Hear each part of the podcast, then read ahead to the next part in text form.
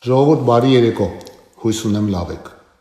Ես ստացել եմ բազմաթիվ հարցեր առաջի տեսանյութից հետո եւ այսօր փորձելու եմ ամփոփ պատասխանել հիմնականներին։ Բայց մինչեւ այդ շատ եմ ուզում, որ ֆիքսենք իրար հետ մի հատ կարևոր, հետաքրքիր եւ արդեն պատմական փաստ, որ Նիկոլ Փաշինյանը, Հայաստանի Հանրապետության վարչապետը,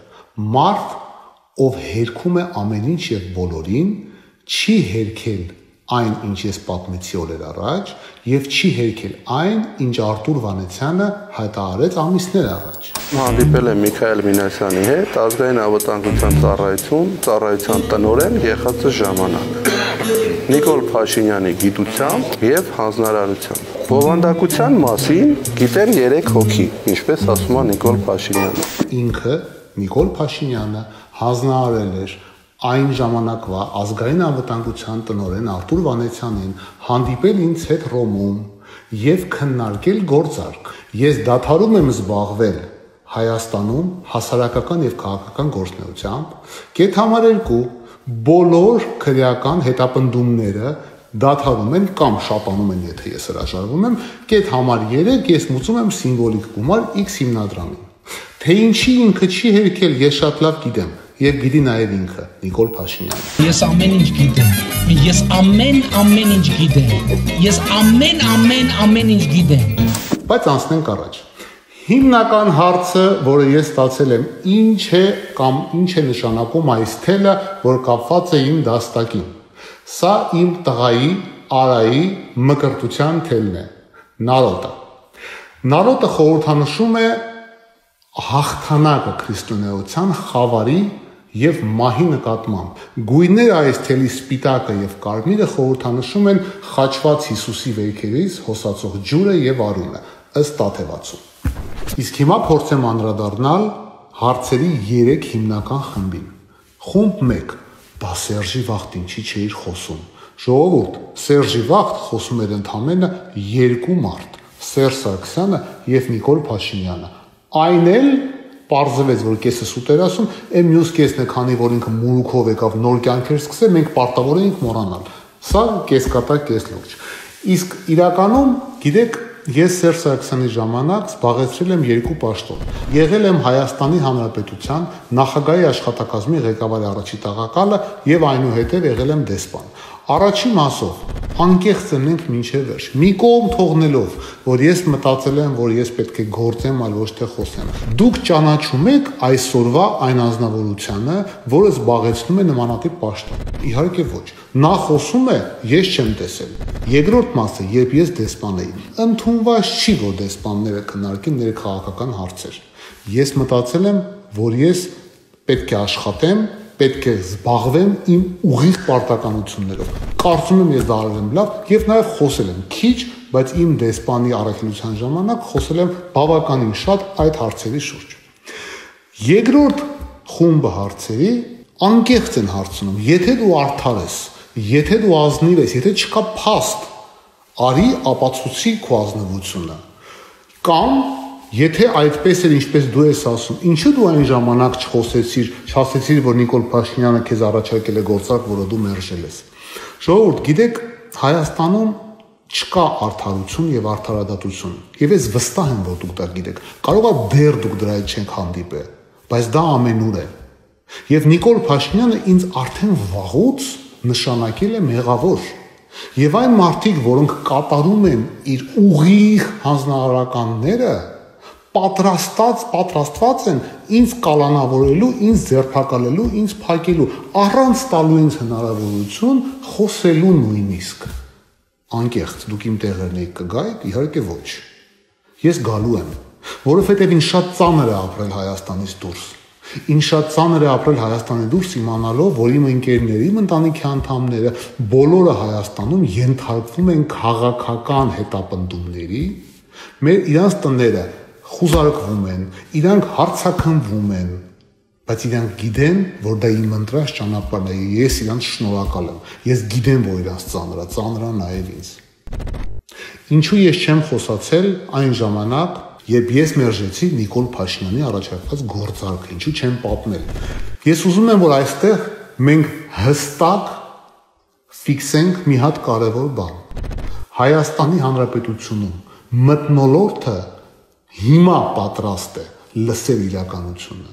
Այն ժամանակ մարդիկ պատրաստ չէին։ Մարդիկ չէին ուզում կամ չէին հավատում, որ այդ աստիճանի ստախոսը կարող է զբաղեցնել այդքան բարձր պաշտոն։ Դժվար է, ես գիտեմ, որ դժվար է ընդունել փաստը, որ Հայաստանի Հանրապետության վարչապետը շարքային ստախոս է։ Գիտեմ, որ դժվար է, բայց դա ցավոք շատ ցավալի, բայց փաստ է։ Երրորդ խմբի հարցերը կասկածի տակ են դնում իմ հայրենասիրությունը։ Կասկածի տակ են դնում, որ ես մերժել եմ Նիկոլ Փաշինյանի առաջարկը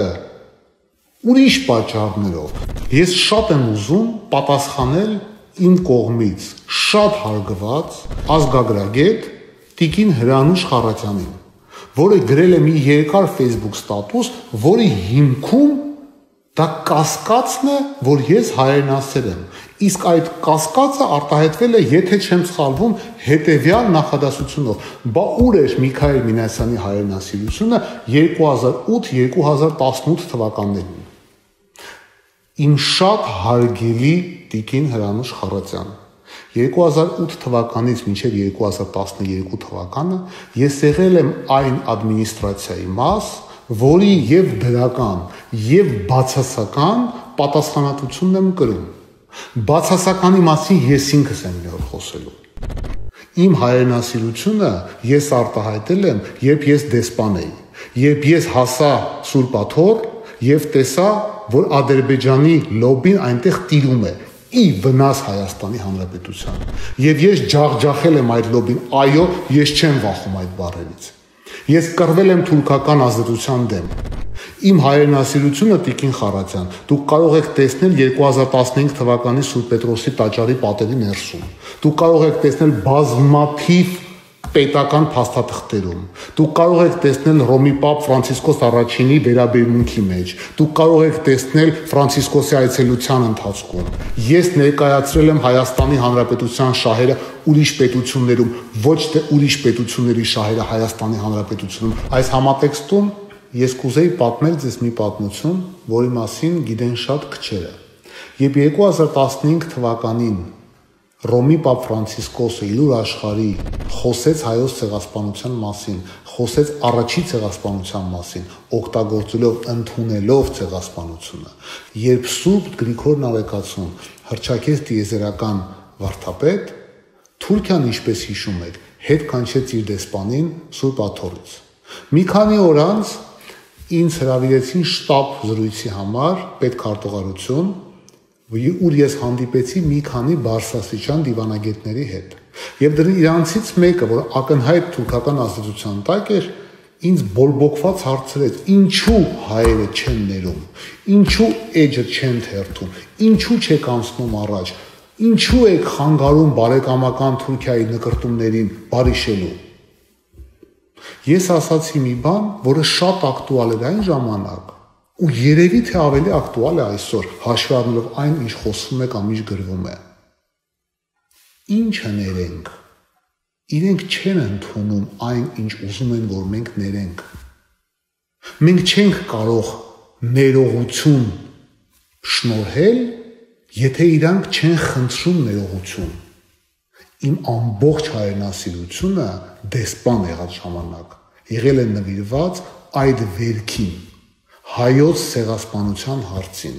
բան, որը ես երբեք չեմ մոռանալու, երբեք չեմ ներելու, մինչև Թուրքիան չընդունի իր մեղքի բաժինը։ Այդքան այս թեմայի շուրջ։ Իմ հայրենասիրությունը նաև դրսևորվեց, երբ ես եւ իմ ընկերները կազմակերպեցինք եւ ես ղեկավարում էի եւ կոորդինացնում էի PR ինֆորմացիոն պատերազմը, որը վարում էր Հայաստանի Հանրապետությունը Ադրբեջանի դեմ քարորիա պատերազմի ընթացքում։ Եվ ես ձեզ վստահորեն կարող եմ ասել, մենք հաղթել ենք այդ պատերազմը։ Ցավոք, նույնը չեմ կարող ասել Հայաստանի ներսում, որովհետև ոմանց հաջողվեց ստվերել մեր հաղթանակը։ Մեր ոչ թե մեր, այլ մեր նկատի ունեմ հայկական բանակի։ Այդ դա ինձ չի հաջողվել, որի համար ես անկեղծ ցավում եմ։ Գիտեք, Ես ցավում եմ, որ ստիպված եմ հիշեցնել ձեզ, թե ինչու եմ ես ինձ համարում հայրենասեր։ Ցավում եմ, բայց երևի դա ճիշտ է։ Ես մերժել եմ Նիկոլ Փաշինյանի առաջարկը, որովհետև համարում եմ Նիկոլ Փաշինյանին եւ իր կառավարությանը ժողովրդի դավաճաններ եւ պետության ճշնամիներ։ Ես այդ եզրույթները ուղակի թղ չեմ օգտագործել։ Իմ հայրենասիրությունը, իմ անցած ուղին, իմ դաստիարակությունը ինձ թույլ չտվեցին, որ ես նույնիսկ մտածեմ, որ կարելի է պայմանավորվել մարդկանց հետ, որոնց շարքերում կան պետական դավաճաններ եւ գործակալներ։ Եվ կգա ժամանակը մենք դրա մասին կխոսենք։ Եվ վերջում երրորդ հարցերի խումբը։ Արդյոք ես վախենում եմ։